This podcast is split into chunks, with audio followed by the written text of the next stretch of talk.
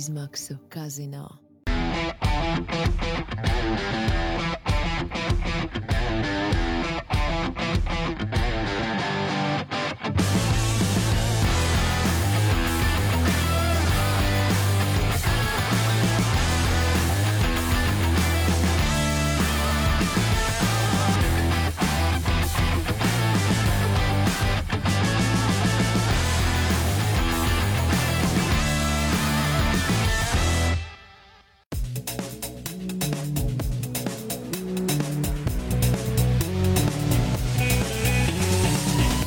F1 LV podkāsts.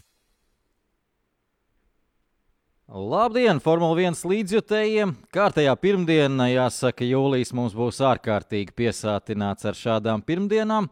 Šoreiz pēc Lielbritānijas lielās balvas izcīņas tiekamies, lai parunātu, kas notika Silverstonas trasē, un notika diezgan interesantas un oranži skaistas lietas. Sveiks, Jāni!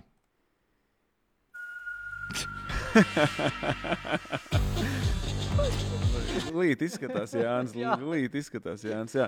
Viņš man pārslēdza. Um, labrīt! Vai labdien? Kā ir? Ap 11. ir labrīt vai labdien?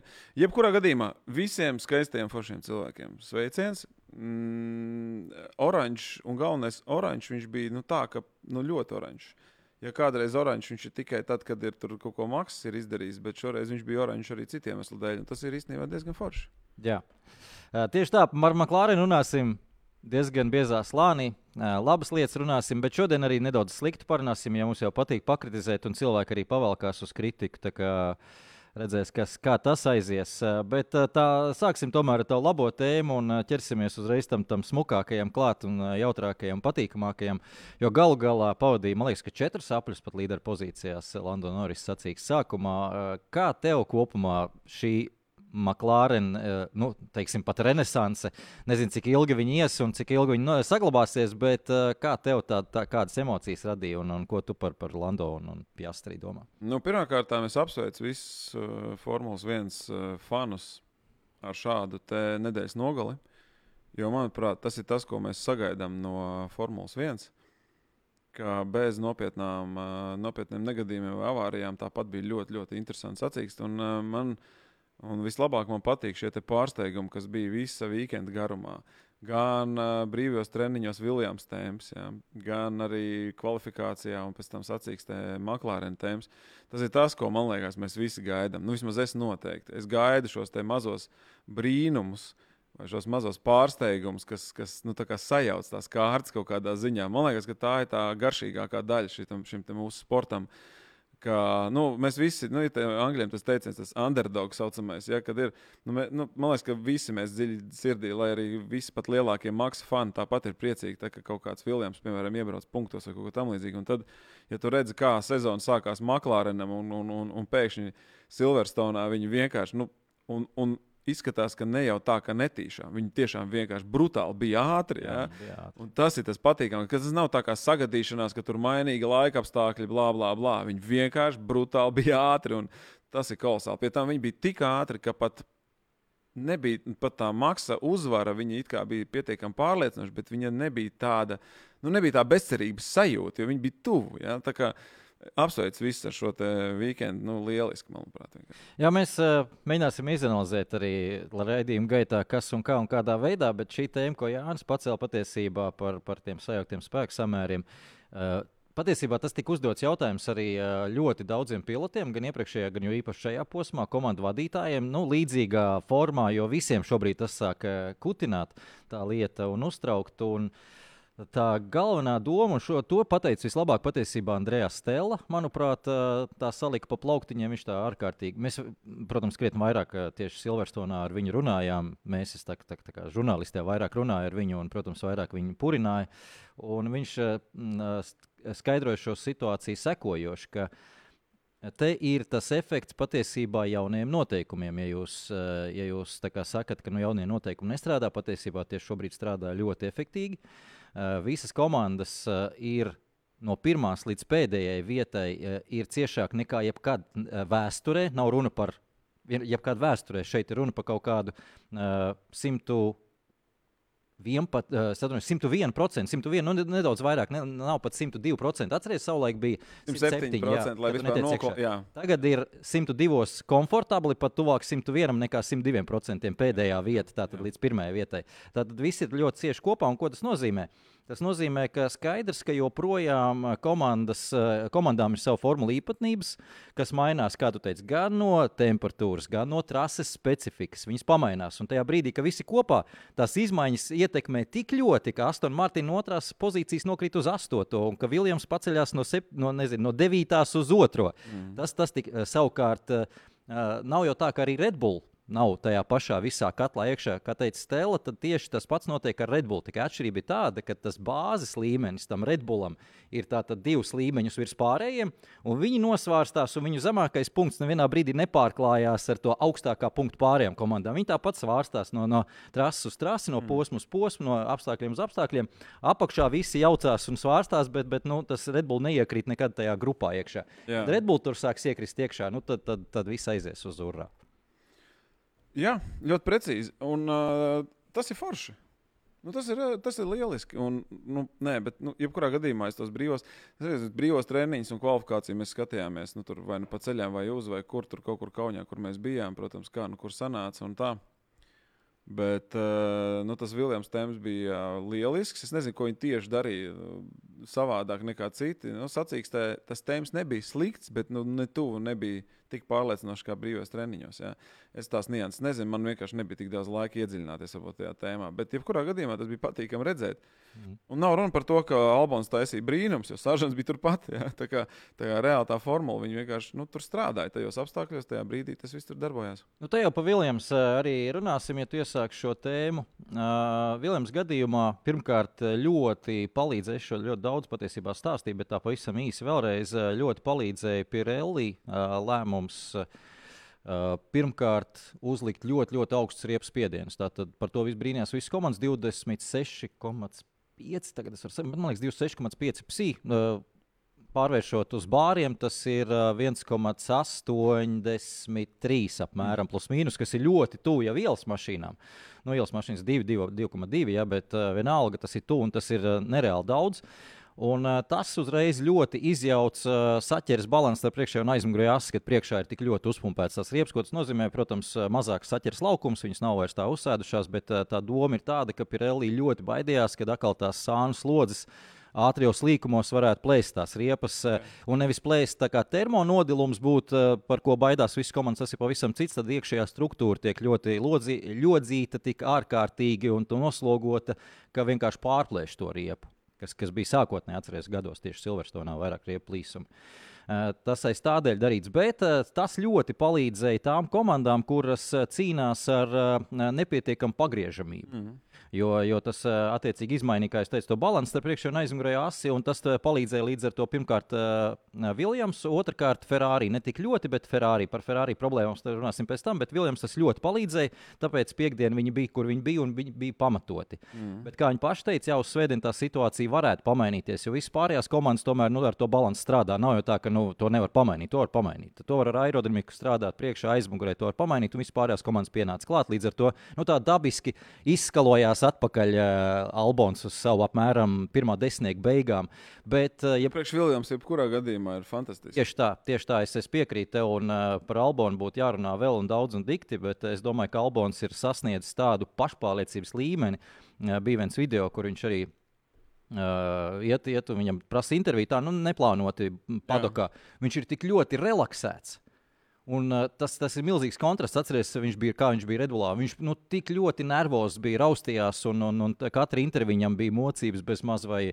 Tagad viņš ir tik ļoti relaksēts, viņš, uh, runa, viņš nesagaida jautājumu beigas, viņš jau sāk runāt, viņš jau uzdod jautājumus pretī. Un, nu, kā, nu, var prieks par to čali vienkārši. Ir, ir un uh, prieks ir ne tikai par viņu kā, kā cilvēku, bet arī par to, ko viņš rāda kā pilots. Jo tiešām nu, visas tās braukšanas, um, visi tie braukšanas demonstrējumi, ko viņš ir līdz šim parādījis, rāda, ka nu, viņš, ir, viņš ir vērtīgs, vērtīgs kadrs. Jā, uh, jā es zinu, ka mēs neatgriezīsimies atpakaļ visdrīzāk pie šīs tēmas, pie Viljams. Droši vien līdz ar to par saržantu labie vārdi jāpasaka, ir uh, viena pozīcija aiz punktiem. Tur gan uh, uz tā rēķina, ka Strauss uh, tika sodīts ar piecām sekundēm, bet viņš nodrošināja, ka viņš ir tajā pozīcijā, lai jā. iegūtu, ja nu kaut kas top desmitniekā notiek, viņš ir pirmais, kas dabūtu to labumu. Jā, viņam bija labs sniegums no saržanta. Jā, es, es teiktu, ka bija pat vairāk kā labs. Iepriekšējā posmā bija labs, šeit jau bija virs, virs labs, jo, ja paskatāmies uz apli laikiem, tad visus sacīkstes garumu viņš bija 0,1 vai mazākā 0,1 sekundē no Albona. Mm.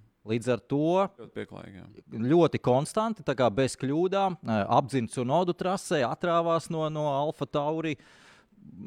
Es teiktu, ka šī ir tā reize, pirmā reize, ko teica arī starp citu Džeims uh, Valls, ka mēs varam teikt, ka jā, Logans Sāržants izdarīs to, ko prasa no debitanta pirmajā sezonā. Mm. Viņš bija konstants, stabils, uh, nav pieļāvis kļūdas un pietiekami ātrs. Tieši, tieši tā. Jā, okay. Tā, uh, labi, par, par kā jau teicu, par Albonu mēs vēl runāsim, bet atgriežoties pie tās galvenās lietas, pie McLaren, nu, par McLaren man visgarākā rindkopa laikam ir daudz. Viņi ir pelnījuši, lai mēs par viņiem beidzot parunājam. Tieši tā. Es uz tādu ievadiņu uztaisīšu par to, kā tas viss notika. Tad, tad es gribētu dzirdēt no tevis, cik, nu, vispirms jautājums, cik tu ļoti sekojies piekdienas un sestdienas situācijai Nu, man nebija vienkārši īpaši laika. Nebija laika, jā, baigi sekot līdzi. Tur es tikai faktiski es pat neredzēju nevienu video. Es, nu, es tā kā vairāk tikai skatījos rezultātus un palasīju Twitterī kaut kādas lietas, nu, kas, nu, mm. kas noteikti ir tā, lai turētu sev lietas. Tad es iedošu apmēram kontekstu tās situācijas. McLaren tādā iepriekšējā posmā, kā mēs zinām, uzlika pirmos uzlabojumus. Lando Norris te atbrauca jau Lando Norris krietni lielākiem uzlabojumiem. Priekšējais antispāns pilnībā nomainīts, kamēr pie Astrid tika pie tiem uzlabojumiem, kas Lando Norrisam bija Austrijā. Viņam Jā. nebija priekšējais antispāns antispāns, kas ir apmēram 0,1 sekundes vērtē. Tā, tā viņi. Tā viņi to vērtē. Un no piekdienas treniņiem faktiski lēnām sāka būvēt to nedēļas nogali McLaren. Patiesībā pēc piekdienas treniņiem vakarā tas bija tas brīdis, kad viņi arī jau pačukstēja mums visiem, kāpēc viņi ir tik ātri. Uh, Paskatieties, to teica Kalstēla, paskatieties, ko, mē, ko mēs izdarījām Barcelonā. Barcelonā mēs bijām ļoti ātri, un šī trase ir vistuvāk Barcelonai. Tie ātrie līkumi Silverstonā mums ļoti iet pie sirds. Un šeit pat nav runa par ātriem līkumiem. Atcerieties, ka šobrīd ar šīs paudzes mašīnām ļoti daudz Silverstonas līkumu kā Megats, Bekets nav, bet Megats līkums, uh, eh, AB līkums, uh, Stauga arī gandrīz tiek braukt ar pilnu ātrumu. Jā. Tie vairs nav līkumi uh, viņu izpratnē. Uh, līdz ar to tas, tas ar citu arī Viljams iedod to grūdienu.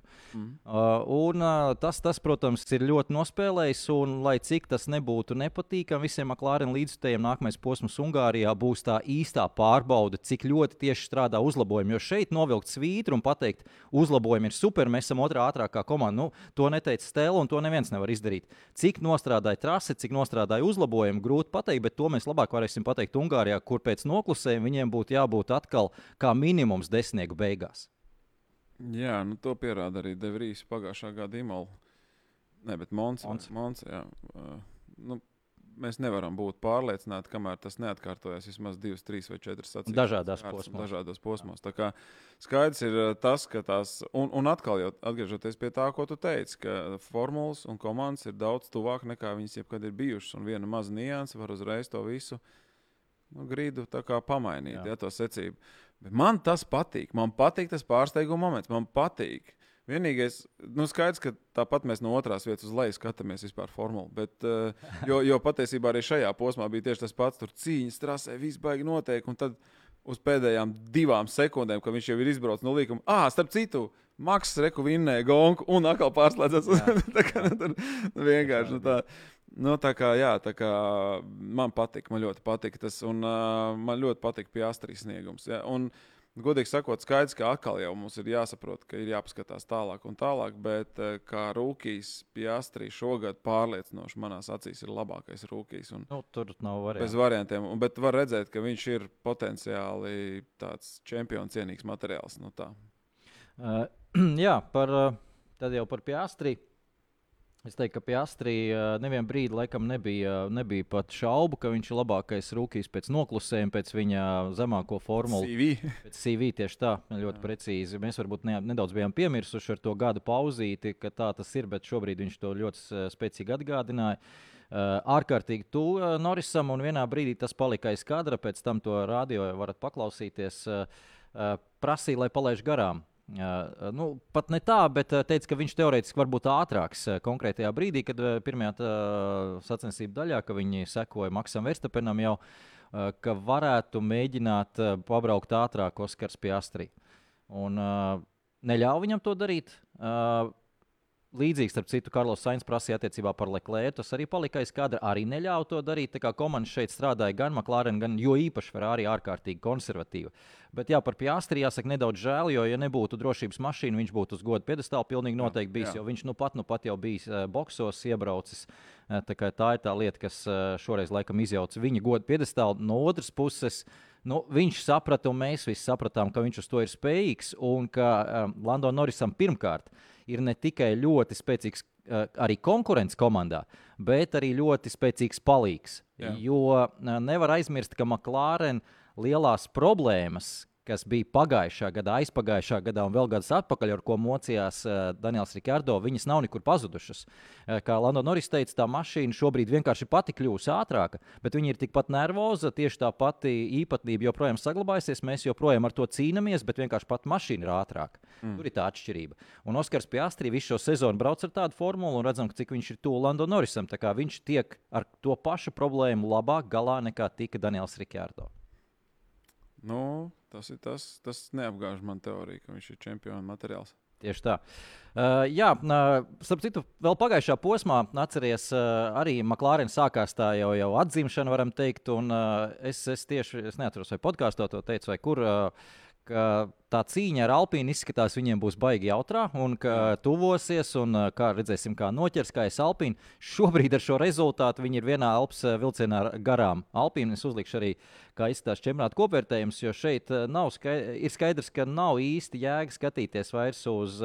Red Bull, bet tas, kas notiek aizmugurē, tas kļūst ļoti interesanti. Pēc šī posma klāriņa garām Alpīnu jau redzam, Uh, un jā, nu, tur arī Mercedes, Aston Martin, Ferrari. Tur ir ļoti interesanti cīņa. Tad McLarenam ar Alpīnu ir un tad tālāk uz leju arī, protams. Viss pēdējais, nu, var teikt, gandrīz četri. Alfa Tauri nespīd, man liekas, viņi tur pēdējie arī paliks, bet, bet, bet teiksim, tie pārējie. Viljams Hāss un Alfa Romeo. Tur vēl būs ļoti interesants cīņas. Viljams pacelšies, ir sanāk, deviņi. Man ir aizdoms, ka Viljams uh, tur arī paliks. Bet, nu, paskatīsimies. Jau, jau uz septīto vietu, un pēdējo reizi septītajā vietā Viljams bija 2017. gadā tik augstu konstruktoru kausu. Ilgi mēs to bijām gaidījuši. Jā, viņi arī. Uh, tieši tāpat kā par McLaren. McLaren arī ilgi, protams, gaidīja šādus panākumus, un uh, varēja būt divi uh, pilotus godu piedestāli. Tas gan ne, nebija nemaz tik sen. Atceramies uh, Monsu, uh, 21. gads uh, Rikārdo. Tā, tā ir tieši tā pati situācija. Mēs arī toreiz brīnījāmies, kā jūs visu laiku pa peltonu beigām tagad pēkšņi uzvaras. Un eh, tā ir tā, tieši tā pati situācija. Mons atkal būs eh, viņiem ļoti, ļoti piemērota trase. Nu, toreiz tur arī nedaudz sapinās eh, līderi, palī, palīdzēja. Bet šobrīd izskatās, ka viņi pat bez tā varētu kāpt uz godu piedestālu par uzvaru. Gan jā, tā, tā ir cita lieta, tā ir rezervēta mums līdz sezonas beigām. Ja nu nekas nenotiek, tad tā, tā vieta ir rezervēta. Tas precīzi, jā, tas precīzi. Uh, Tā, par, eh, es ceru, ka par, par eh, Maklārinu esam daudz maz izrunājuši no tā, kas bija vakardien. Vai tev ir vēl kas stāstāms? Nē, man patīk tas jaunais dizains, tas chroms. Uh, tas gan laikam uz vienu vai, vai. Jā, bet man patīk. Viņš tāds fēni izskatījās. Un, nu, teiksim, es viņu vietā laikam neņemtu. Viņa nost, ja viņi tik labi brauc, tad varbūt tur kaut kāda tēma ir. Jā, iesim tālāk. Jā, jāparunā, esam runājuši ļoti daudz labas lietas. No. Um, palieku pie saviem vārdiem, ko es teicu pagājušajā podkāstā, ka, ka Lando Norris ir viens no šī brīža interesantākajiem pilotiem, izkāpjot ārā no formulas. Man ļoti patīk viņa joki. Man patīk, ka viņš pateica pēc, pēc, pēc tā kvalifikācijas intervijā, pateica, ka Nu, ja Maks vienmēr visiem visu sačakarē, nu, kā, nu, tur nu, šitie visi varianti. Nu, smieklīgi un forši, un viņš ir brīvs un tāds jautrs. Man ļoti patīk tas personāžs. Un, um, Tā kā, lai viņš vairāk eh, ir pēc spēles, eh, pēc spēles, nevis pēc brauciena intervijās, eh, būs jautrāk mums visiem. Jā, es atceros vienu lietu, ko, ko vēl gribēju izstāstīt par stratēģiem attiecībā uz McLaren. Bija neliela nesaprašanās, kādas riepas likt Lando Norrisam. Viņš pats pieprasīja mīkstā sastāvā riepas priepām. Vispār ļoti interesants ar citu lietu. Ir. Es zinu, ka daudz cilvēkiem tā liekas absolūti garlaicīga lieta, bet nu, tā ir ārkārtīgi svarīga. Jā, atceramies, ka bija šī drošības mašīna. Un, uh, Sākumā nebija drošības mašīna, bija virtuālā drošības Jā. mašīna, un tobrīd tika runāts par to, kādas riepas likt. McLaren izvēlējās likt cietā Jā. lai gan Norris skatījās, ko dara Rasels un gribēja mīkstās, bet McLaren bija tie dati kopā, salika visu informāciju, ka vajadzētu likt iet uz cietajām. Taču pēkšņi situācija mainījās tajā brīdī, kad virtuālā drošības mašīna pārtapa par drošības mašīnu. Jo, ko tas nozīmē? Tas nozīmē, ka tev uh, tieši aizmugurē ir konkurence tajā brīdī. Tu uh, nevari sildīt riepas, tas temps nav vairs tik ātrs kā virtuālā drošības mašīnas Jā. laikā, kur tu vari cietās riepas uzsildīt un gatavs uzreiz cīnīties. Jā. Ar uh, drošības mašīnu tā nav, tās riepas tu tā neuzsildīsi, un tajā brīdī loģiskāk jau kļūst tās mīkstās sastāvriepas. Bet problēma bija tāda, ka, tā, uh, kad tika paziņots par drošības mašīnu, Lando Norris faktiski bija pie boksu celiņa ieejas Latvijas. Un Andrejs Stēla teica, ka tas mainīt tajā brīdī būtu pārlieku liels risks, būtu hauss boxos. Mēs iespējams paspētu, bet tas risks bija tik liels, ka kāda riepa kaut kur aizķerās, kaut kas neaiziet pareizi, un mēs zaudējam visu, kas ir.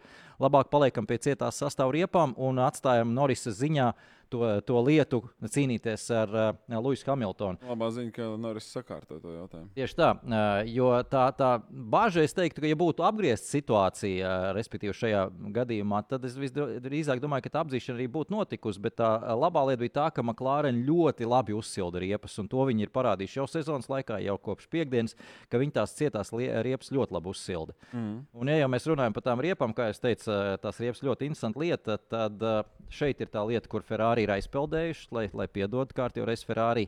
Uh, neseko līdzi acīm redzot, kas notiek par riepām, jo me, ko izdarīja Mercedes. Uh, pirmkārt, jāsaka, kas, ka riepas kopš pagājušās sezonas nedaudz ir izmainīts, un ko ir izdarī, izdarījuši Pirelli. Ne visi, ne visi tipi ir izmainīti, daži tipi ir izmainīti. Viņi ir uztaisījuši pilnīgi jaunas riepas tipus, ko ielikuši pa vidu iepriekšējiem. Mm. Tātad līdz ar to, ja pagājušajā gadā starp teiksim, vienu mīksto un vienu cietotu atšķirība bija ļoti liela laika izteiksmē, 1,8 sekundes, 1,5, tad šogad viņi ir ielikuši pa vidu vienu. Tas nozīmē, ka starp mīksto un uh, tagad to jauno cieto ir vairs tikai 0,8, 0,6 vai 0,5 sekundes. Tā atšķirība nav liela.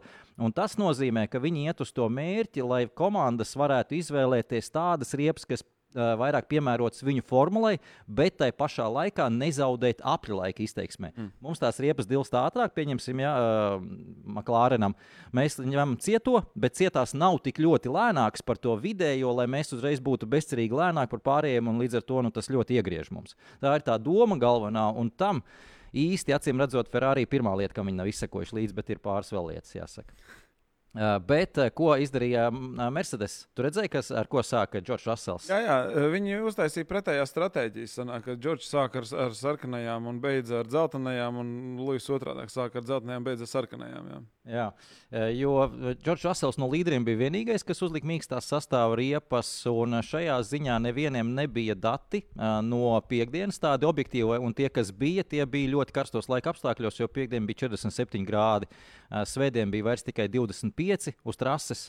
Es domāju, līdz ar to tā situācija bija mainījusies, un Mercedes vienkārši paskatījās pagājušā gadā, kā tas pats riepu tips strādāja pagājušā gadā līdzīgās temperatūrās. Un viņi saprata, ka var ar viņu braukt, un redzēja, ko Džordžs nobrauc. Jā, ilgi nobrauc. Termālais nodilums kā tāds nebija vispār. Mm. Viņš bija ļoti, ļoti lēns, bet nu, arī pateicoties, protams, ka tu strādā attiecīgi ar šīm riepām, jo Verstapenam viņš bija, jo viņš mēģināja uzaudzēt to tempu ļoti strauji, atcerieties, pašā sacīkstes beigās. Jā. Kā, tas ir kā tu lieto tās riepas. Ja tu jau sāc viņas lietot tā, kā, tā kā attiecīgi, ka tu brauksi daudz apļus, tad tev arī tas izdodas. Ja tu sāc lietot viņas diezgan agresīvi, tad tu vairs atpakaļ viņas nedabū. Nu, protams, jā. jā. Tad, tad, tas aiziet jau tā kā pa kalnu uz leju, tā, tā bumba ir aizripojusi, teiksim tā. Uh, un, uh, nu, šajā ziņā es teiktu, ka riepu, riepas ļoti nospēlēja. Un, uh, vai tu gribi parunāt par Ferrari beidzot? Man visu laiku tas, tas tā kā. Parunājam par Ferrari. Man gan nav ko īsti pateikt par Ferrari. Es tā baigi viņiem nesekoju. Es baigi hypoju par McLaren. Un, tu to, pamanīji, ka Ferrari apzina trasē Karlos Sainz, apzina Aleks Albons. Nu, jā, to es, to, to es pamanīju. Tas, tas bija, tā tas bija lieta, kas. Skaisti. Jā. Jā, nē, nu, jā, e, slikti viss ir. Tur kaut kā, nu, nav tur kaut kas. Kaut kas Es nezinu, bet man nav tiešām labāk, tu parunā, pastāst to, kas tev sirds ir par Ferrari, jo es saku, es, es fanoju par citām formulām šajā, šajās braucienās. Ferrari ierakstīja par Ferrari arī Twitterī viens solis uz priekšu, divi atpakaļ, un, nu, precīzāk nevar būt. Piektdien viņi bija ar Sainzu 22 sekundes tūkstošdaļas aiz Verstapena labākā rezultāta. Viss kārtībā. Sestdien viņi ir 4. 5. pozīcijā uz starta. Svētdien viņi knapi noturās punktos. Mm.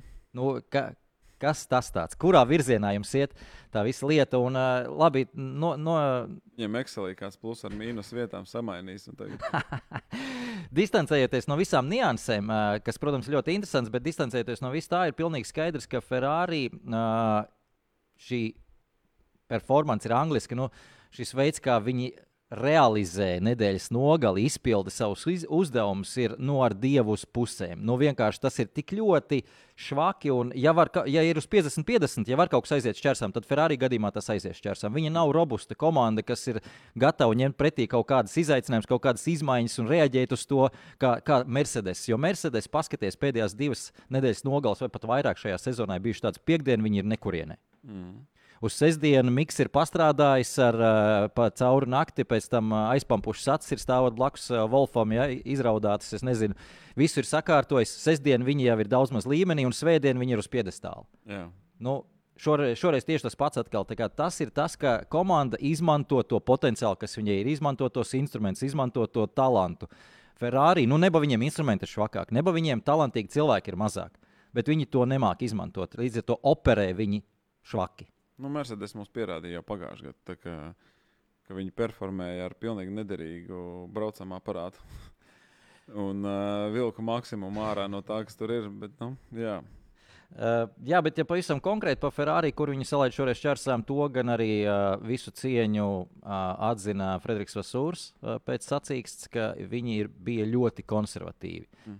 Uh, Tātad jau no paša sacīksts sākuma viņi baidījās no lietām, kas nebija nedaudz no, no no, nu, no undercut baidīties sāka jau 20. aprīlī. Neviens ir netaisījās tik agri braukt uh, boksos, bet viņi sāka to uh, baidīties un līdz ar to iebrauca pārlieku agri Jā. boksos, nenoslogoja savas riepas ne tūlīt, ne tik nopietni, kā to vajadzēja darīt. Līdz ar to pirmkārt jau paši sev iešāva kājā un savu stratēģiju sabojāja. Nu, tad, tad tā visa rezultātā viņi ātri bija bijuši boksos, līdz ar to arī tajā brīdī, kad bija drošības mašīna trasē.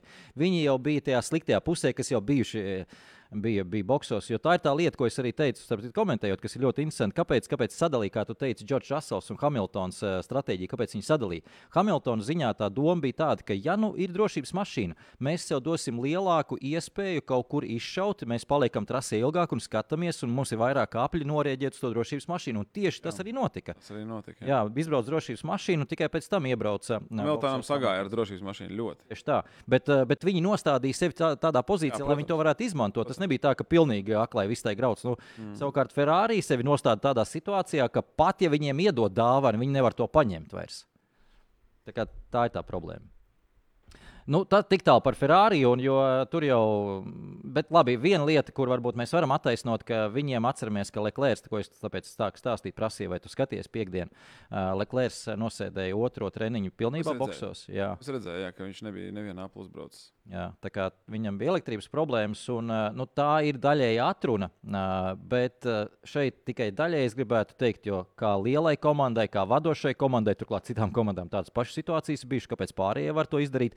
Nu, tā, tā nav vairs atruna. Jums ir tik moderni simulācijas rīki, lai tomēr jūs varētu atgriezties daudz maz līmenī. Un, nu, skaidrs, ka jāpielāgo programma. Sainz uzreiz dara kaut ko citu. Nu, Sainz strādā pa abiem, nu, tur nav variantu. Nu, Leclerc citreiz strādās pa abiem. Jā, un arī nav jau tā, ka nevar uzbraukt. Nu, mēs pagājušajā posmā redzējām, Sēncam bija vienā kvalifikācijā tikai viens lidojušais aplis pēdējās minūtēs, un viņš uzskrēja ātrāko. Tā kā, nu, nu, ja tur viss izdara pareizi, tad, tad, tad nu, visam vajadzētu būt ok. Bet Ferrari iet tikai apakaļgaitā. Jā. jā. Šajā posmā noteikti. Uh, ļoti, ļoti konservatīvi. Un, uh, tas, kā jūs teicāt, tā ir tā viena Pozitīvā lieta visai tā, ka tā nav milzīga problēma, ko izlabot. Nu, tur ir jāmaina, acīm redzot. Bet tu, problēma ir tā, ka mēs par to runājam jau otro gadu. Ka ir jāmaina metodika, kā tu strādā. Nu, varbūt ir arī cilvēki jāmaina, varbūt ir domāšana jāmaina. Bet nu, tā nav tā, ka tu nemāki uzbūvēt ātru mašīnu. Kā, man liekas, ka tā ir vieglākā lieta, bet nu, izskatās, ka tomēr nav tik viegli to izmainīt. Par Astonu Martīnu bija jautājums. Kāds tev iespējas, kas notiek ar, ar, ar... Es esmu vīlies. Es esmu vīlies. Uh, Alonso mums apsolīja, ka viss pārējās uh, gongas būs uz piedestāla. Jā. Kas te tagad notiek? Jau otrs sacīks pēc kārtas. Nu, ka, kas tas ir? Kas, kas tur ir noticis? Nu, tur ir noticis tieši tas pats, ko mēs runājām sākumā. Tās pamatīgās svārstības, un šī trase ir ļoti nepiemērota. Astur Martīna, es pat gribētu sadarīt, ka Ungārijā viņi būs uz piedestāla. Es pat varētu tevi sadarīt. Viņi varētu sadarīt. arī pacīnīties par uzvaru. Nu, Ungārija ir diezgan pietiekami dīvaina trase, lai pat tas varētu būt uh, ticami, bet uh, nu, piedestāls es teiktu, ka Ungārijā Es gribu sadarīt. Negribu Gribu sadarīt. sadarēt? Jā, negribu sadarīt. Man arī liekas, ka būs. Bet, Nu, labi, labi, labi nedaram. Sadaram, Mums- sadaram. mums Varbūt, varbūt Maklārens kaut ko labi izdarīs. Kā, varbūt, nu, Vispār būtu ideāli Maklārens un, uh, un Aston Martinas piedestāli. jā, tas būtu lieliski. Jā. Jo cik forši izskatījās, nu, neskatoties to, ka Maks bija pirmais, bet pēc, pēc uh, kvalifikācijas, cik forši izskatījās, ka divi maklāri pa malām stāja. Tas bija tik svaigi, tik nepierasti. Pat Maks, Forši. pirmā lieta, ko viņam, viņam pajautāja, pirmā lieta, ko viņš teica, man prieks par Maklārenu. Nu, jā, nu, bet tā ir. Uh, jā, un uh, Maks Verspens vairs sen neskatās uh, rezultātu tabulā, es domāju, kopvērtējumu tabulā. Uh, un uh, beidzot, es teiktu, ka viņš arī sāk runāt tieši valodu, jo līdz šim es tā baigi nedzirdēju no viņa, ka viņam neinteresē, kas notiek tur tālāk aizmugurē. Bet beidzot, uh, viņš uh, vakardien jau pēc sacīks uh, izteicās, ka viņam ir interesanti un nedaudz viņš ir apjucis par to, ka katru reizi viņam cits pretinieks ir. Tad, tad viens, tad otrs, un viņš arī īsti nesaprot, kāpēc tā ir un kad jā, nu, tās, tās izmaiņas diezgan pamatīgas. Bet beigās viņš atzina, ka nu, tam īsti nav nozīmes. Nu, Viņ, no, no mūsu pozīcijām tam īsti nav nozīmes. tā jau ir. Nu, tā, tā arī ir. Eh, Patiesībā no viņa pozīcijām raugoties, tas ir nenormāli izdevīgi. Jo pat ja mēs eh, saglabājam ārkārtīgi lielu optimismu un ceram uz sezonas beigām, ka tagad Red Bull aizies kaut kur nedaudz, nu, būs noķerami, teiksim tā. Ja būtu visu šo sezonas pirmo daļu, viņam viens pretinieks bijis, kas visu laiku tās otrās vietas vāc, tad tiešām vēl būtu cerība. Ja, kad tur pagriežās, tagad jau vairs nav cerība. Līdz ar to katru reizi viens otram ņem nos punktus tie, tie sekotāji, ka tagad nav viņam viens konkrēts pretinieks. Un nav arī Peres. Jā. Mēs tā plūstoši esam pārgājuši uz Peres, Peres, Peres problēmu. Un šeit, Jāni, saki tu tos skarbos vārdus, un es tad tev piedziedāšu, ko tu domā par Peresu. E, Ātri pavisam statistika. Piektā reize pēc kārtas nav trešajā kvalifikācijas kārtā, un, lai tas izklausītos vēl trakāk, tad viņš ir trešajā kvalifikācijas kārtā ar pārliecinoši ātrāko formulu šogad. Bijis tikpat reizes, cik Albons trešajā kvalifikācijas kārtā ar nu, gandrīz pārliecinoši lēnāko formulu. Jā. Hmm. Te man laikam jāsaņemās. nē, nē, nu labi, labi. Es te tā dramatizēju situāciju. Faktiski, nu, grūti. Nav vairāk. Kādreiz kaut ko mēs atradām, kaut kādas loģiskas, kaut kādas lietas, ko runāt, eh, mēģinot kaut kādā veidā attaisnot Peres un visādas tādas, tā, nu, kaut kādas nianses. Bet šobrīd man ir beigušies visi argumenti, izņemot vienu, ka viņš nemāķi braukt. nu, tā, nu, rūpīgi izsakoties, ir skaidrs, ka ne jau. Nu, tas, es domāju, nemāķi braukt salīdzinājumā pret uh, Verstapenu Jā. ar konkrēto formulu, kas viņam tiek iedot. Jo uh, šajā gadījumā, tā kā Peresam šobrīd tur iet, šīs pēdējās posmi, lai man, ja man kāds pateiks, ka tas ir tikai tāpēc, ka Verstapenam ir labāka formula nekā Peresam tiek dot, nu, tad tas ir pilnīgs, eh, kā saka, tā ir pilnīga buļļa kaka. Mm. Jo, nu, nav Red Bulls nav ieinteresēts, ka viņu pilots tre, pirmajā kvalifikācijas kārtā krīt ārā un pēc tam mokās no aizmugures tur kaut ko tur sakārtot. Nu, tas pat pie nosacījuma, ka viņiem, pat ja viņiem būtu ienākusi prātā doma, ka Maksim vajag būt pirmajam neapstrīdam un tāpēc viņam tiek dots kaut kas labāks nekā Persam, pat pie tādiem nosacījumiem Red Bullam šie scenāriji neder. Viņi vienkārši neder. Eh, Viņus glāb tikai tas, ka, ka tā kā jau Maks teica, ka viņiem katru reizi ir cits pretinieks, un attiecīgi viņiem nav jācīnās par to. Bet, ja tiešām, kā tu teici, būtu vismaz vi, nu, kaut kā tas pats Alonso, būtu otrais, trešais visu laiku, mm. un punktos būtu tuvāk Maksim. Tad vispār nedara. Šobrīd, nu, tad, teiksim, tad, tad, tad, varbūt tad Pēters vispār būtu izlidojis. Tagad vienkārši viņi ne, nekrenķējās par to, tāpēc ka viņiem ir kolosāls pārsvars un Maks aizbrauc tāpat pa priekšu. Jo, kad te bija pirms pēdējā, pirms šī posma, bija tā, ka uh, Maksim ir tik daudz punktu, lai viņš būtu komandu ieskaitē pirmais Jā. pa 51 punktu priekšā visām pārējām komandām. Ja? Un te ir tā atšķirība, kāpēc tā kā, nu, Peresam visdrīzākais ir apmēram tā, ka nu, lai viņš tur kaut kur mokās, mums jau viņš vairs neinteresē. Mēs te ar vienu maksu tiksim galā. Ja? Jā, nu Maksam Verstapenam 255 punktus ātri apskatījos, un attiecīgi Mercedes komandai ir uh, 250, div- 203. 203. Nu, redz. Tā kā viss skaidrs. Uh, jā, viņš vēl vairāk uzaudzējis pārsvaru. jā, tā kā, kā tu teici, tas piemērs par uh, Alonso, kā to, ko sekotāji vēl izcilāk būtu, ja tuvākie sekotāji būtu, piemēram, Mercedes, kur divi spēcīgi piloti, kas visu Jā. laiku ir priekšā, kas tagad uh, presētu Maksu Verstapenu, un tad viņam vajadzētu to Peresu turpatās arī priekšā, un Pereses viņam tur nav un nebūs. Jā, par Peres. tad jau būtu izlidojis ārā. Jā, un uh, tieši tā, es, es eh, šajā ziņā es tieši to pašu padomāju, ka diezgan aizstāv šogad arī sākumā, un arī tagad aizstāv joprojām uh, Horners, Peres un Red Bull aizstāv Peres. Un, un tas ir tas, ko tu teici, ka šobrīd Red Bull nav jābaidās par to situāciju. Viņu tas nepresingo, un viņus tas, tas īsti neietekmē. Tā, Tā- nav tā- patīkama lieta, bet tas neietekmē viņus. Tā ir tīra Peres problēma. Jā, tā ir pašam problēma, tieši tā. Ja tā nebūtu, tad uh, Peres ļoti iespējams jau būtu zaudējis vietu, Jā. vai nu kā minimums uh, tiešām tur, tur jau būtu uz, uz, uz durvīs jau ar vienu kāju ārā. Tā kā šajā ziņā tas viņu glābi. Otra lieta, kas viņu glābi, ka nav tāds ļoti izteikts cilvēks, ko momentā mēs varam ielikt. Jā. Un viņš uzreiz mums eh, nodrošinās augstāku līmeni kā Peres. Ir Lavsons, par ko esam runājuši, ir Cunoda, bet nu, ir pilnīgi skaidrs, ka tur nebūs tā, kā mēs iedomājamies, ka viņi būs augstā, labāki par Peresu. un Tas nav nemaz tik vienkārši. Viņiem arī laiks vajadzīgs, un tas Jā. laiks nav. Eh, Teorētiski ir Albons, bet problēma priekš Red Bull ir tā pirmā problēma. ka Viņi, Rikardo. Uh, nu, jā, par Rikārdo lielā jautājuma zīme. Tā, protams, ir. Ko viņš, ko, kā, kāds ir Rikārdo? Tas būs McLaren Rikārdo, tas būs vai Red Bull Rikārdo. Jā, bet nu, iespējams, ka viņiem ir pilnīgi visas iespējas šobrīd notestēt. Es, es būtu tikai par, es būtu sajūsmā. Es būtu Pa lielam riska nav. Nu, tā kā Pēters šobrīd brauc, Rikārdo točnu uzbrauks.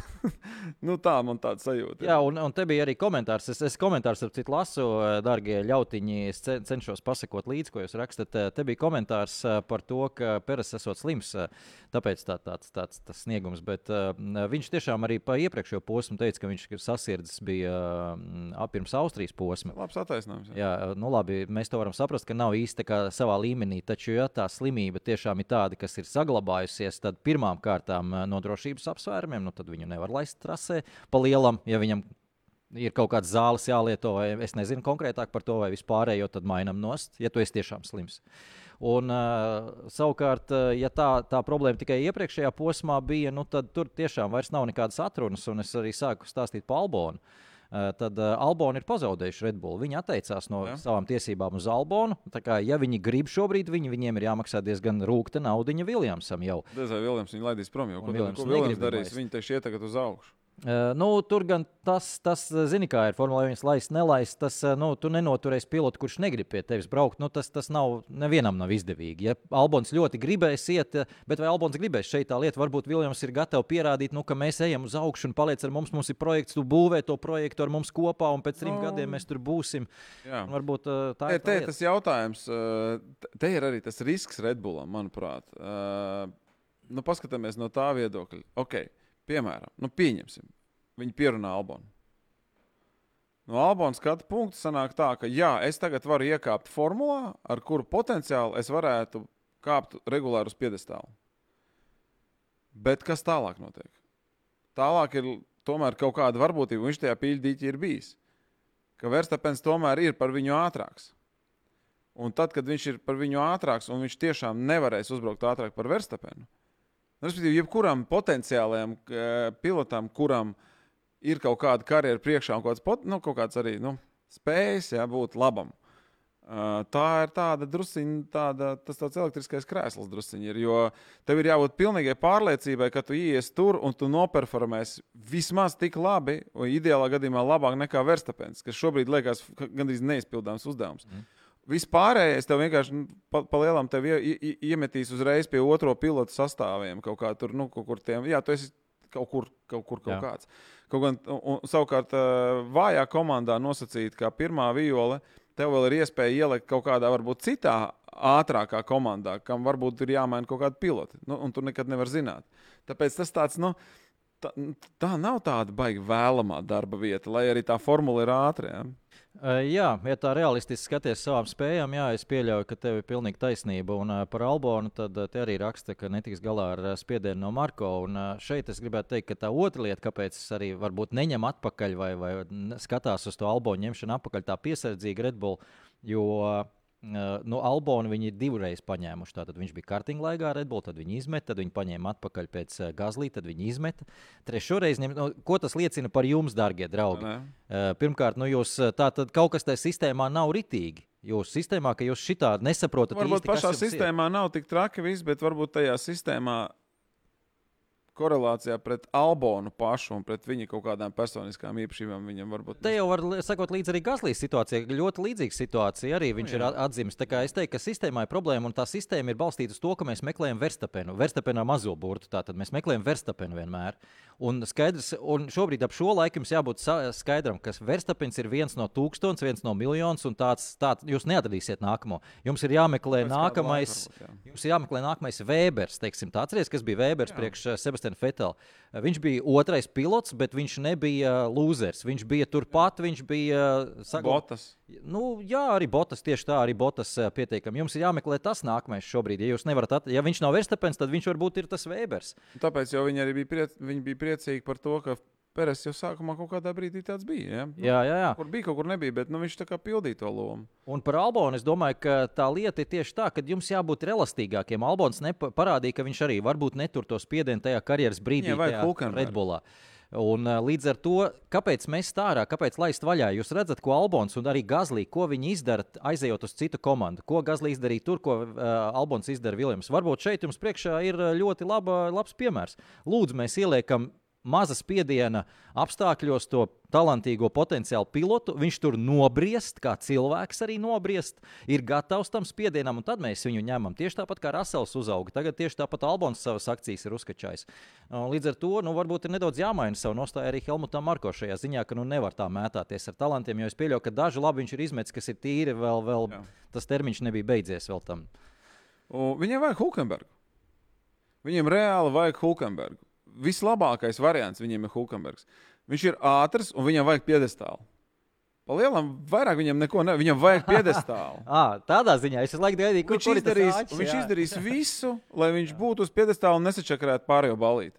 Hulkenbergs ir ideālākais variants šobrīd Redbullam kā otrais pilots. Ļoti iespējams, patiesībā ļoti iespējams. Eh, Tā kā mēs esam pie šīs tēmas, eh, tad eh, mazā atslodzes pauzīte. Mums ir neliels konkurss, eh, jāizspēlē. Ir žurnāls Sporta avīzes, tur ir atkal iekšā raksts par Formuli 1, par Maksu Verstapenu un Miku Šumacheru šoreiz. Pavisam svaigs, smaržīgs. Man viņš nav. Es zinu, ka viņš ir svaigs un smaržīgs, bet man viņš nav. Bet tie, tas, kas uzvarēs, es varu parādīt vāku. Uz vāka ir Krolis. Lūk, tur viens no apakšvirsrakstiem arī ir Maks Verstapens sabojā čempionu materiālu. Nezinu, es to nerakstīju. Uh, bet uh, raksts ir uh, par Miku un par, par, uh, par Maksi. Uh, Šo žurnālu dabūs tas uh, cilvēks. Uh, Šoreiz mēs arī jā, nolēmām, ka mēs uh, pieturēsimies pie YouTube komentāriem. Jā. Un uh, tātad līdz raidījuma beigām, nu kādas 3-4 minūtes pirms beigām, mēs apskatīsimies šobrīd. uh, Tad uh, dodiet mums piemērus, uh, kurš varētu kļūt par Maksa Verstapena komandas biedru.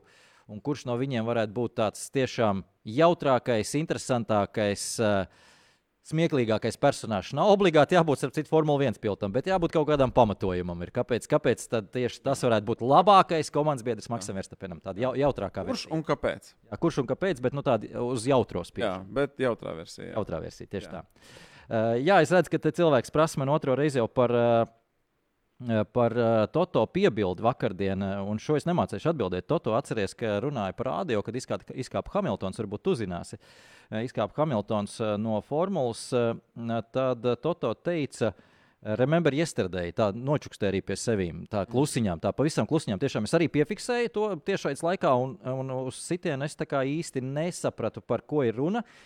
Tur ļoti iespējams ir drīzāk viņu savstarpējā kaut kāda vai nu saruna bijusi, noruna vai, vai nu nezinu kas. Kontrakts ar. Nu, varbūt mēs, mums gribās uz to pusi pavilkt, protams, jā, bet, bet nu, kaut kas ir bijis, eh, un viņš līdz ar to atgādināja jā, eh, par to Luisam Hamiltonam tādā emocionālā brīdī, kad Hamiltons arī citu, bija ļoti, ļoti priecīgs par to godu piedestālu. Bija gan, jā, bija. Un, um, nu, patiesībā visu cieņu Hamiltonam, jo nu, kaut vai no tā viedokļa, no tīri no tāda emocionālā viedokļa, man liekas, ka Hamiltons ir pie vainas, labā ziņā pie vainas tam, ka viņam atrodoties uz piedestāla ar Verstapenu, mums nav nērti.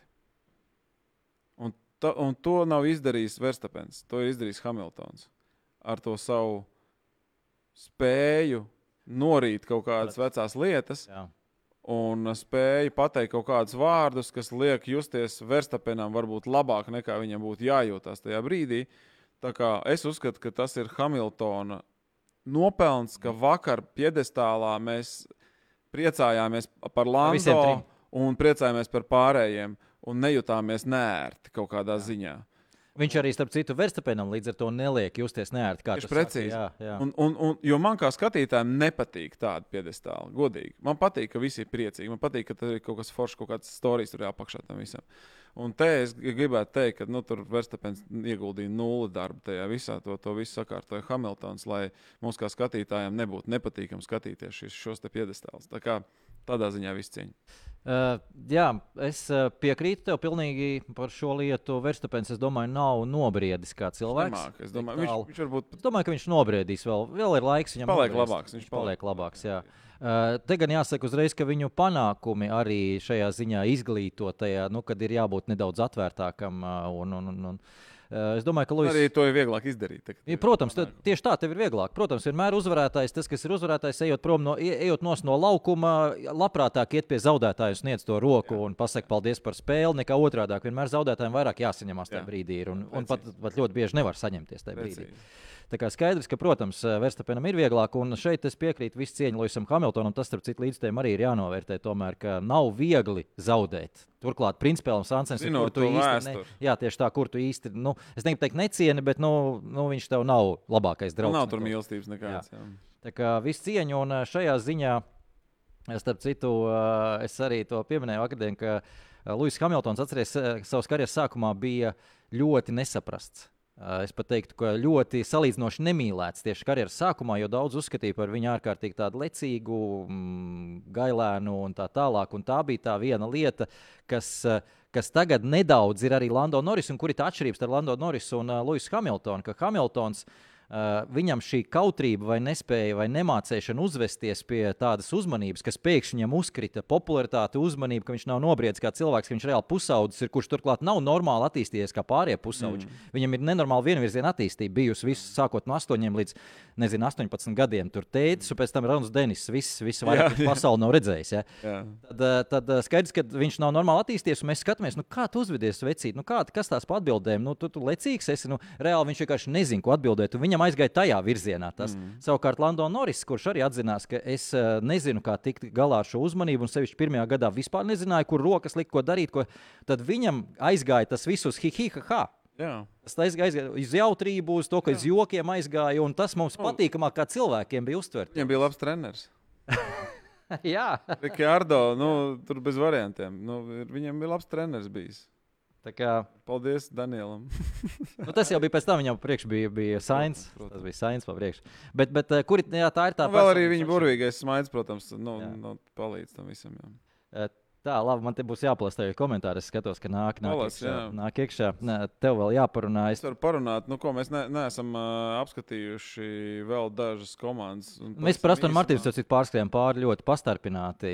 Jā, bet nu, mēs, mēs pieskārāmies. Es domāju, ka es jau to sākumā, kad tu kopērtējumu rādīju, es uh, nu, teicu, ka Alfa Tauri visdrīzāk šogad ir pārliecinoši sliktākā Jā. Komanda, sliktākā formula, un te nav pat runa īstenībā par pilotiem. Nu, labi, Niks Devrīs tagad visi viņi tur zākā un tā tālāk, bet es domāju, ka tur ir kaut kāda dziļāka tēma. Jo tad, kad tā mašīna nebrauc, tad viņi nebrauc. tur ir, Nu, jā.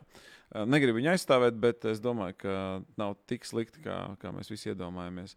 Uh, Alfa Romeo ir pilnībā pazuduši. Te gan ir jāsaprot, kāpēc. Jo visticamākais, ka tur jau ir Audi plāni un, un ir skaidrs, ka nu, grūti ir, tā, ka tu esi darbā uzrakstījis atlūgumu, atstrādāt līdz, līdz pēdējai dienai. Ir diezgan sarežģīti. Tur kaut kas tāds arī noteikti zogās iekšā. Un, um, redzot to, cik uh, Botas ir relaksēts un atslābinājies, man ir vairāk un vairāk gribās domāt, ka viņam jau ir kontrakts ar Audi. Nu, tas tāds wild guess vai tāds, tāds, tāds drosmīgs minējums, iespējams, jo es kļūdos, bet uh, nu, kaut kā tā liekas. Un, uh, un, uh, jā, un, un tad, kas tur mums vēl paliek? Nu, Hāsam, jā, nu, Hās ir. Ha, ha, ja, ja punkts dalīts sestdienā, tad Hās būtu viena no labākajām komandām vispār uz grīdas, bet, nu, diemžēl, punktu dalās svētdienās, un tad nu, kaut kā tur nevisai. Jā, Hāzam pie tam uh, izturības problēmas, netipisks. Uh, divas reizes šajā nedēļas nogalē. Un, uh, Es jau saprotu, ka Magnusenam tas uh, dzinējs, ko viņam ielika, jau bija jau, jau no labi jā. Uh, starp citu, jau par dzinējiem runājot, tad uh, vēl viena lieta par Oskaru Piastrādu, maz, maz niansīt. Viņam šobrīd bija ciklā vecāks dzinējs nekā Lando Norisam. Mm. Tur arī ir jārēķina, ka viņi diezgan automātiski, jo cikls tuvojas beigām, tieši šo drošības apsvērumu dēļ, viņi automātiski pagriež visus režīmus nedaudz zemāk. Un Jā, jā, jā. Silverstone trasē arī labi, tur nav 0,2 sekundes aplī, bet kaut kas ir aplī. Uz to mēs nemākam to aprēķināt. Viņi paši zina, tas ir labi. Un tā kā vēl, vien, vēl viens plusiņš, es teiktu, Oskar Piastrī. Uh, Jā, jā. Oskar Piastrī uzvārdu. Uh, Tā, man ir, uh, man ir atbildes uh, sakritušas pāris. Ir, ir vairāk, ir, ir ļoti daudz, starp citu, tādu realistisku variantu. Jukits un Oda ir pieminēts, ir Lando Norris pieminēts, ir pieminēts Lonso, ir Hamiltons pat. Pilnīgi noteikti tās, tās būtu interesantas lietas, un, un Hamiltons Mēs- nekad tur neies, bet, bet, Mēs gaidījām kaut kādas. jā, bet ir, ir arī tādas. Ir, jā. Ir tā, es tev nolasīšu. Tā tad eh, Katrīna raksta, smiltens, bronza būs ok. Maksim paliks numur viens. Eh, Tālāk, Kris Hemsfords. Eh, Tas ir. Tu zini, kas ir Kris Hemsfords? Nē, es ne, varbūt zinu. Es... Tas ir tas džeks, kas filmā Rašs tēloja. Ah, ok, ok. Jā, ok. tā tad, okay. Okay. Hemsvorts. Man šis arī patīk. Ieliekat blakus lēbu. Pilnīgi noteikti būs cienīgs tās vietas un pieplusot vēl dažus čempionu titulus, bet palaist kopēju un pacelt kopējo publikas interesi. Starp citu, pa lēbu lēpes jau nebija tālu no Formule 1. Tu zini, šo stāstu tieši no. Toro Rosso. Kā, viņam turpat ļoti labi gāja tajos testos, un viņš jau bija gatavs kā, no sezonas vidus, tad, kad bija tur Bohēmija un uh, Algas arī tagad atceros, neatceros precīzi, kurš no viņiem. Uh, bija jāmaina sezonas vidū, bet tā sezona lēbām, kas, kas rallija sākas janvārī, bija sākusies tik labi, Mm. ka vienkārši tika nolemts, nu, nē, jāizcīna vēl viens tituls. Un tas bija tiešām vēl viens kārtējais no viņa tituliem. Ja nebūtu viņi sākusies tik labi, jā, mēs būtu redzējuši lēbu Formulā 1. tā kā. Nu, Labs ir tāds pats kā Alonso. Man liekas, viņš uz vecumu sliktāks nepaliek. Jā, kā vecs vīns. Nu, kas mums te vēl ir? Kimī būtu labs otrais pilots. Uzkrājis pieredzi Naskārā tagad ir. Jā. Uh, uh, Misters Bīns pierādīja savu ātrumu ar mini. Nekaunīgs un būtu vēl viens brits. Jā, Rāns Atkinsons varētu būt interesants variants. Jā.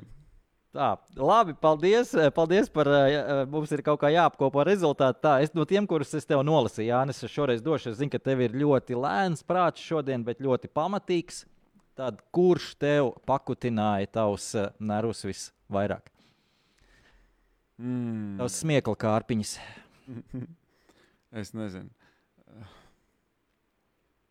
Nu, dodam smiltēnam. Smiltēnam dodam. Smiltēnam. Labi, Katrīna saņems. Tā, Katrīna, Katrīna, man liekas, ka mums ir zināms personāžs, diezgan arī cītīgi, mm. cītīgi seko līdzi. Es, es tagad nevaru atcerēties, kurā, kurā platformā, bet es kaut kur atradīšu tevi un aizsūtīšu ziņu. Kur tu savukārt man atbildēsi, kur jānosūta, ir tad, tad tev attiecīgi šis numurs ar sporta avīzi. Paldies visiem par dalību. Jā, jā. Forši. Mums ir vēl laiks kaut Mums kāds? ir vēl laiks, ir, ir laiks mums ir. Iedomājies. Mums ir laiks. Mēs esam nenormāli rāvuši, bet nu, nav tā, ka pa visu, visu esam izrunājuši. Es, Paņem savu lapiņu, paskaties. jā, es, es paņēmu savu lapiņu. Uh, nu, par Astonu Martinu man bija jautājums, tāpēc es pa viņiem arī daudz sarakstīju. Par Astonu Martinu, uh, kā jau teicu, tad uh, ļoti gribētu derēt uz to, ka viņi atgriezīsies piedestālā Ungārijā. Bet uh, tā problēma, tas iemesls, kāpēc viņi nebija ātri šajā posmā, ir tā lieta, ka viņi ģenerē ļoti daudz piespiedu spēka. Kas ir tā labā lieta? Principā tas ir tas svētais grāls, uz ko iet visas Formule 1 komandas.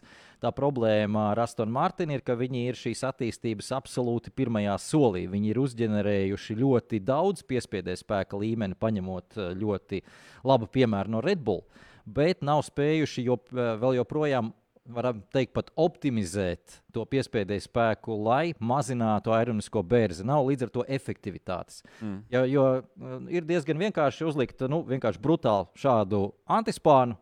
Super, mums ir piespiedu spēks. Ko tas nozīmē taisnē? Mm. Nu, tas taisnē nozīmē, ka tu esi sienā, tieši tā kā izpletnes.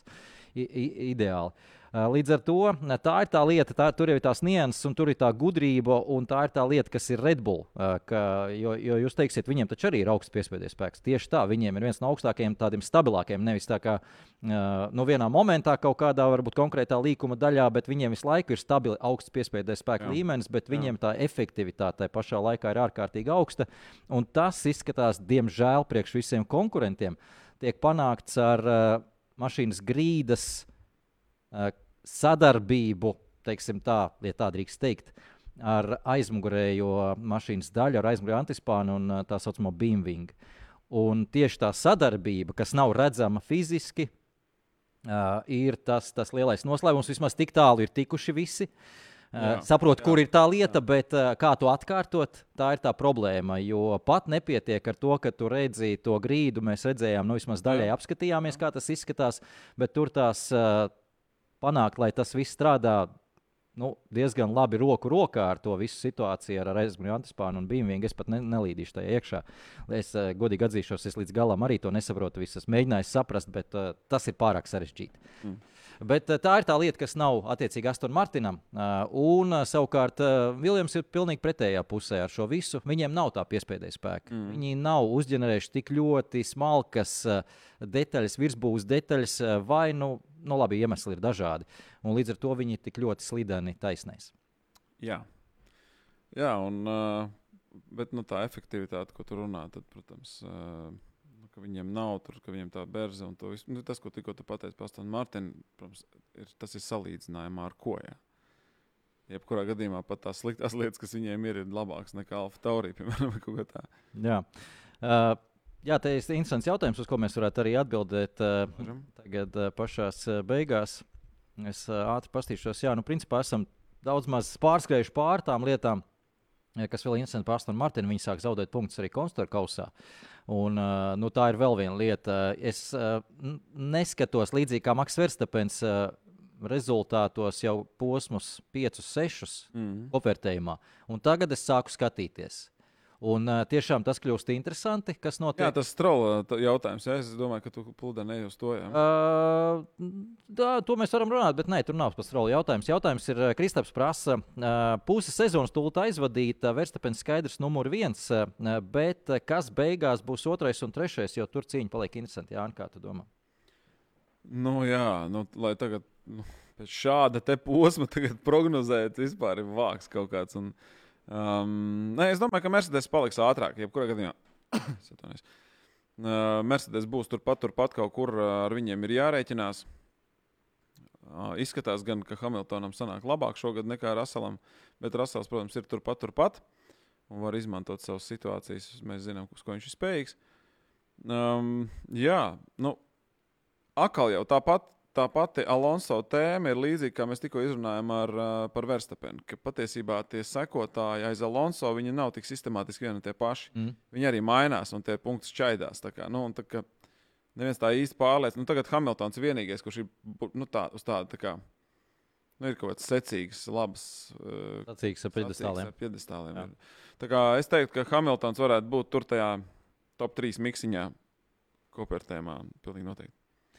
Uh, Jā, pilnīgi noteikti. Tā būs lieta, kas, es domāju, būs aktuāla līdz sezonas beigām. Un vēl viena lieta, ko tu sāk runāt, ko teica citu, Hamiltons pēc piekdienas, kad ieraudzīja, vai pēc sestdienas tas bija, kad ieraudzīja, ka McLaren ir tik ātri šeit, Silverstonā. Viņš teica, vairāk uz savu komandu to ziņu mēģinot nodot. Jūs paskatieties, ko viņi ir izdarījuši, kāpēc mēs to nedarām. Proti, nu, viņi vienkārši ir nokopējuši Red Bull. Mēs joprojām tā kā nekopējam, tā kā nedaudz. Un šī ir, es aizdomājos, vienkārši, nu, varbūt tur tomēr ir tāds neliels lepnums. Jo, uh, nu, tā, tā kā mēs taču esam pietiekami gudri, nu, kāpēc mums ņemt viens pret vienu? Bet šobrīd viss tik ļoti iet uz to Red Bull dizainu, un McLaren vispār nav kautrējušies. Noņemat tās oranžās uzlīmes un to chromu nost. Nu, un jūs redzat, tas ir, tas ir vienkārši nokopēts Red Bull. Nokopēts viss virsbūve ir eh, Red Bull, visas vis tās formas, sāna forma. Nu, varam teikt, nokopēts Aston Martin, kā to teica pēc, pēc godu piedestāla Lando Norris. Jā. Mēs nekopējām Red Bull, mēs kopējām Aston Martin. Jā. Nu, jā, Kas tā. ir arī prātīgāk, jo viņiem aizmugurē piekara un kā arbi ir tāda pati kā Aston Martin un Mercedes. Nu, kā, ir teorētiski, jā. Uh, Vēl, vēl viens eh, jautājums tev, Kristofers, prasa, vai Jānis zina, kas par komandu ir Apex Grand Prix? Nu, tā ir tā, kur tas Brits Pits tur kaut kur mēģināja zīmēties pa trasi. Jā, es, es, es, es dzirdēju, jā. Um, kas ir īstenībā mega ekskluzīvi. Kā viņi tiešām tas, tas tā kā, nu, teiksim tā, to interesi par to filmu man palielināja. Redzot, ka viņi tiešām ar reāliem pilotiem kopā trasē kaut ko filmē un kaut ko dara. Man liekas, ka baigi forši. Paskatīsimies, kas no tā viss sanāks. Bet mm. tā varētu būt tāda realistiskāka, interesantāka. Bet nu, atkal jau tā ir Holivuda. Tur, ir, tur būs uh, jā, Holivudas lietas arī pietiekami daudz. Redzēsim. Jā, nu mākslas filma paliek mākslas filma. Galu galā skatīsimies uz to tā, bet uh, neaizmirstam, ka tur ļoti augsts līmeņa ir pieaicināti uh, padomdevēji, ieskaitot Luisu Hamiltonu, ieskaitot Toto Wolfu. Un uh, viss izskatās diezgan realistiski. Ir filmēšana kopā ar īstajām komandām, viņiem arī bijusi un īstajiem piltiem. Viss, viss fonā tur notiekās. Un galu galā Brits Pits ir aizsūtīts uz Franciju arī uz uh, braukšanas skolu mācīties, sākot no F4 līdz F3. Un uh, šobrīd viņš uh, tur, tur konkrē, konkrēti viņš brauc ar F2 Mhm. mm. formulu, kurai ir uzlikta virsbūve, Formula 1 virs, virsbūve. Bet, jā, nokrāsot ir nu, tādā melnis, zelta lotus krāsā ar septīto numuru, kā Kim ir Raikonenam. Vienmēr bija atsūtījis viens no līdzjutējiem. Nu, tiešām Kim ir Raikonens, septītais numurs vēl un Mm. nedaudz zaimo svētumu. Ar šo arī eh, beigsim šoreiz podkāstu. Paldies! Viss, kas noskatījās, mums ir pulkstenis 12. Mums tagad nedēļas pauzīt. Ir Jānis, gan nākamnedēļ atkal biķerniekos. eh, Tepat startē ar savu komandu. Tā kā tie, kas grib skatīties uz sacīkstiem, droši dodaties tur. Pas... Sestdien, sestdien, jā, nāciet uz biķerniekiem sestdien. Droši piti būs pieejami skatītājiem. Tiekamies boxos. Ar to arī beidzam. Mums Formula 1 ir Ungārijas lielās balss izcīņa pēc divām nedēļām, un mēs pēc divām nedēļām pirmdienā atkal šai pašā vietā un laikā. Atā! Čau!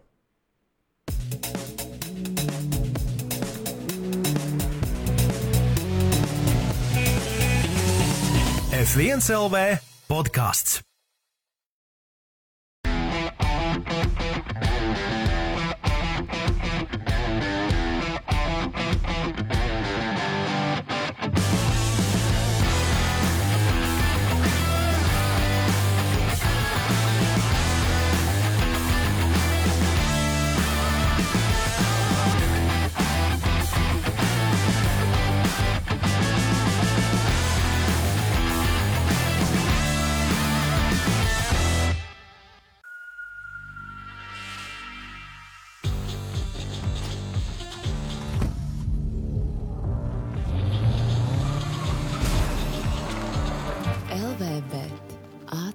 LVB ātrā izmaksu kazino.